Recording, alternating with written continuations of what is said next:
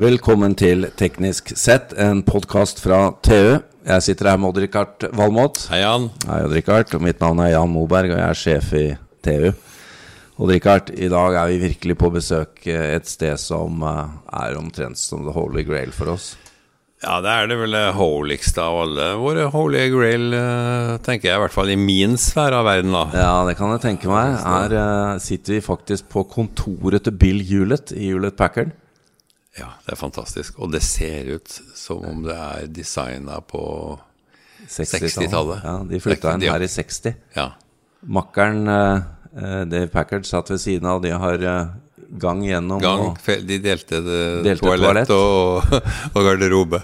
det er helt De var- fantastisk, dette her. Vi sitter altså Page Mill Road i Palo Alto. Ja.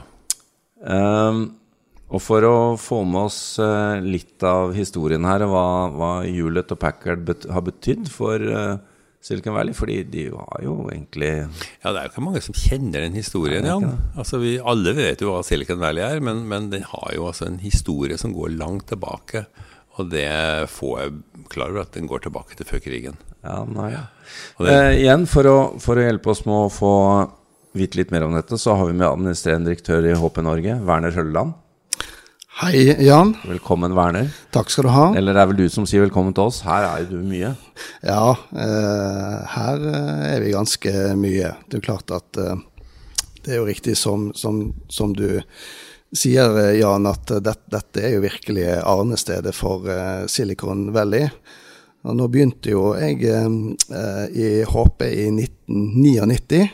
Eh, Men før det så var jeg også i et annet eh, kjent selskap eh, som heter Apple, Ja. fra 1994. Og egentlig siden starten av 90-tallet så har jeg jo jeg fartet over hit til Silicon Valley på ulike teknologibesøk. Så det har jo vært en, en, en spennende utvikling, og det er en fantastisk historie. Så det å sitte som sjef i HP i Norge i dag, eh, og få muligheten til å komme tilbake igjen hit eh, så ofte, og oppleve historien og kulturen og det som HP har stått for av teknologiutvikling i alle disse årene, det har jo vært en fantastisk eh, ja, det er en fantastisk historie. For det er jo litt underkommunisert dette, Odd-Rikard, at Hewlett og Packard var jo i høy grad med på å skape Silicon Valley. Ja, i høyeste grad. Altså, Silicon Valley ble jo ikke coina før i 1971, tror jeg det var. Så før det var det jo ikke noe som het Silicon Valley, men de starta altså å produsere lydutstyr i en garasje.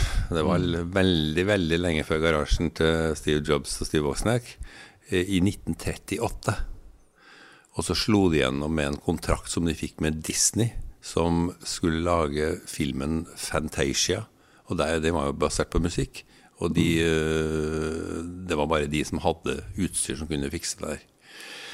Og så kom jo krigen, da, selvfølgelig. Da ble det litt mer krigsutstyr de ville lage, da. Det, jeg, jeg kjenner ikke krigshistorien til HP, men jeg går ut fra at he, hele amerikanske industrien ble jo gira inn mot krig, så de laga helt sikkert en del elektronikk. Og dette, Werner, var jo De begynte jo da etter, eh, etter Disney-kontakten å slå seg opp på instrumentering. Ja, det var jo eh, elektroniske instrumenter som har jo vært eh, viktigste forretningsområdet til HP da i, i starten. Og det utviklet seg jo eh, raskt eh, videre til eh, kalkulatorer og eh, mer, avansert, eh, mer avansert teknologi etter hvert som halvlederindustrien eh, tok seg opp. Så vi var vel på 60-tallet eh, først ute med ja, Det er vel det som kan sies å være den første personlige datamaskinen. En avansert HP-kalkulator, egentlig. Programmerbar med operativsystem og kunne kobles til en skjerm. Eh, så det er virkelig eh, noen år siden dette her skjedde. Og Hadde jeg- du HP da, Odd-Rikard? Nei, vet du hva? Du hadde Det- Texas. Jeg hadde Texas, ja. Det var på, på NTH i, tidlig på 70-tallet, når jeg gikk der. Da var det liksom de som trodde på aritmetisk logikk, de gikk for Texas Instrument, og de som trodde på omvendt polsk notasjon, de var HP-fans. Og det, det var u, uforenlig, altså. Så jeg var vel egentlig på den andre sida. Men du, du, det er ærverdig å sitte her likevel? Det, er, det, her er jo helt fantastisk. Jeg må si jeg føler faktisk en viss sånn ærefrykt når jeg sitter i det lokalet her som de ikke har rørt siden de gutta døde. Og de har jo satt det tilbake i originalstand. Ja, dette, dette er kontoret til HP fra 1960. Ja. Eh, og det er jo fremdeles kontoret til HP i dag. Mm. De har en ganske fin sånn der patio rett utenfor døra her, og med litt overbygg. Og jeg tror de hadde bra, disse gutta da de var her. De, de rula jo teknologi- elektronikkbransjen i noen år. Både med instrumentering og kalkulatorer og, og annet.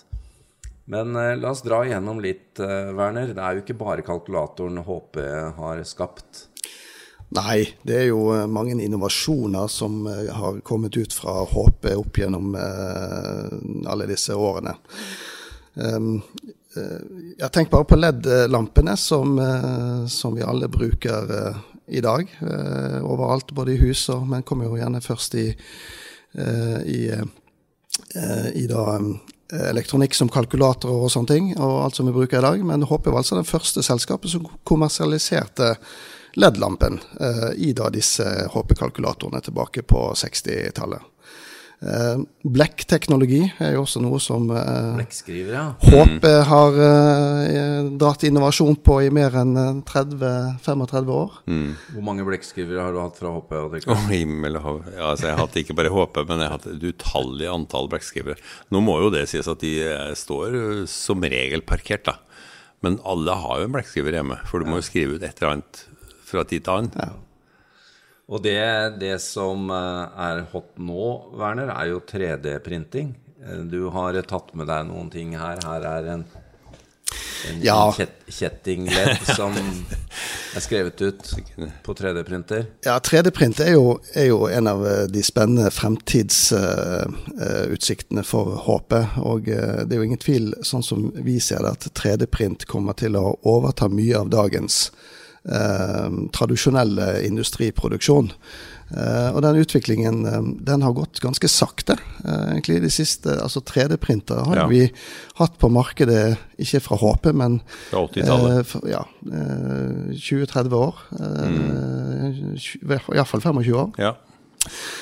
Men HP gikk i fjor inn i 3D-printmarkedet for alvor.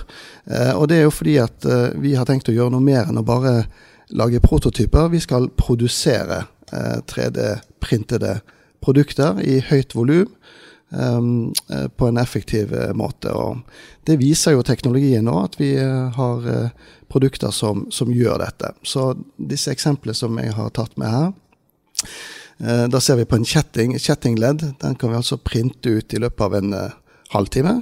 Mm. Og bruke til å løfte en mobil i mobilkran. Dette er bare ett eksempel. Og teknologien går fort videre, så allerede nå så har vi eksempler hvor vi printer inn f.eks. sensorteknologi inn i produktene. Sånn at du kan måle Bake det inn, ja. Bake det inn, på en måte. Du kan jo måle strekkavlastning, du kan måle temperaturendringer og slike ting. Ha det innebygget i 3D-printede produkter. Så Det er jo en høy grad av personalisering òg. Så disse andre eksemplene som har tatt med her en, en, en ja, Istedenfor uh, å ha gips når du har knokket en arm eller en, et ben, så kan du jo faktisk bare få en 3D-printet uh, uh, støtte som passer perfekt til, ja. til, dine til, ben, til dine ben og armer, eller hva du trenger. Og så har du har du en mye bedre løsning med, med, med lufttilgang. Men det som er spennende nå, det er overgangen fra altså Nå har vi jo brukt det her i 30 år til å printe prototyper. Mm. Ja, nå skal det inn, det inn i produksjon. Ja. Og det, det, krever jo en ekstremt hastighetsøkning av, av printere. Det Ja, ser jeg jo for meg nå. At Og så må det jo komme metallprintere. Da. metallprintere, ja. Det fins jo selvfølgelig, men det er også veldig veldig saktegående og dyrt. Så den teknologien som dere har utvikla, har jo potensial til å bli veldig mye kjappere. Og det er kanskje det aller mest spennende med den.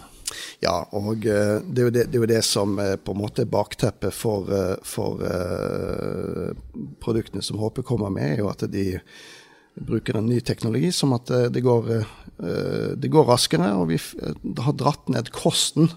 Det er jo et skjæringspunkt da, sant, mellom eh, altså hva blir kost per del. Mm. Hvis du skal eh, erstatte tradisjonell produksjon, så må jo kosten også være eh, fornuftig på dette. her sånn. Eh, og med de regnestykkene som vi sitter med i dag, så lenge teknologien kan printe et produkt, så ligger vi mellom 50 og 100 000 eh, deler eh, for, før det lønner seg, da. Som en serie. Eh, som en serie, Mm. Så det vil si at hvis Ja, du det høres jo helt mindboggling ut. det vil si at hvis du trenger færre enn 50 000 deler eh, av et produkt, så kan du eh, faktisk eh, Da er det lønnsomt å printe det på 3D istedenfor å produsere manuelt. Eller tradisjonelt. Så dette kommer inn i norsk industri òg, da? Vi er vel kjent for små serier i forhold til eh, andre store ut, ute? Ja, absolutt. Eh, Og vi har alle, allerede nå i, i år levert den første maskinen i, i Norge. Så det blir forhåpentligvis mange eh, flere eh, i fremtiden. Bra. Jeg tenkte å avslutningsvis dra oss litt tilbake til kontoret vi sitter i. Bill Hewlett sitt kontor, originalt bevart fra 1960. Eh, Det er jo interessant, Werner, du var inne på at du også har jobbet i Apple tidligere, at det var jo eh, Dave Wozniak som jo var, eh, var teknologen Steve i Wozniak, ja. Steve, Steve, ja, unnskyld. Okay. som var teknologen i Apple. Han jobbet jo i HP da han uh, utviklet det første operativsystemet. Ja, eh, og igjen, eh, det jo eh, Det viser jo litt ut av eh, hvor, hvor viktig HP var for hele utviklingen av eh, Silicon Valley. Mange storheter som har kommet ut fra HP-kontorene. Både mennesker og, og teknologi. Ja. Og Steve Wozniak var jo en av de. Han jobbet jo i HP. eh, Og utviklet første designet på Apple 1-maskinen eh, mens han jobbet her. Og det ble tilbudt HP også, ble det ikke det? Jo da, det stemmer det.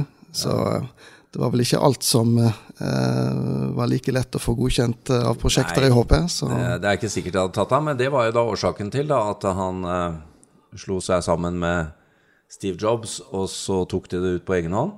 Men Ja, før det så, så ringte jo Steve Jobs til Bill Hewlett og fikk jobb her, han også. Ja da, det stemmer det. Men det ble veldig kortvarig, eh, i og med at han valgte å starte med, ut, ja. med, med Steve. Så, så det er greit. Ja, og de var jo litt lenger borte i strøket her på Xerox Park, og fikk seg en del inspirasjon også. Så det, det viser bare Grafisk ja. grensesnitt, ja. Og tenk på det her miljøet her med HP og Xerox Park, og rett borti gata her så har du Stanford University for et kraftsentrum, altså.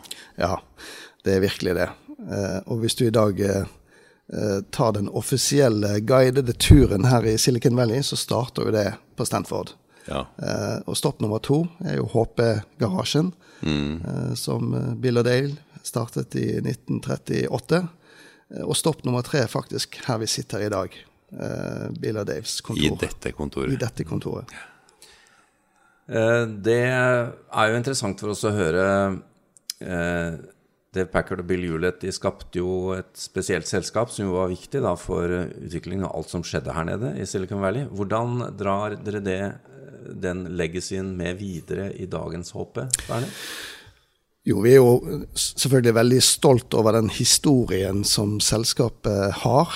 Og det er jo veldig få selskaper i dag eh, som kan vise til eh, 80 års historikk. Eh, det er jo eh, 80-årsjubileum for HP om to år. Eh, så det er jo eh, fantastisk i seg sjøl. Det at vi faktisk klarer å være innovative i et 80 år gammelt selskap, det er jo fantastisk.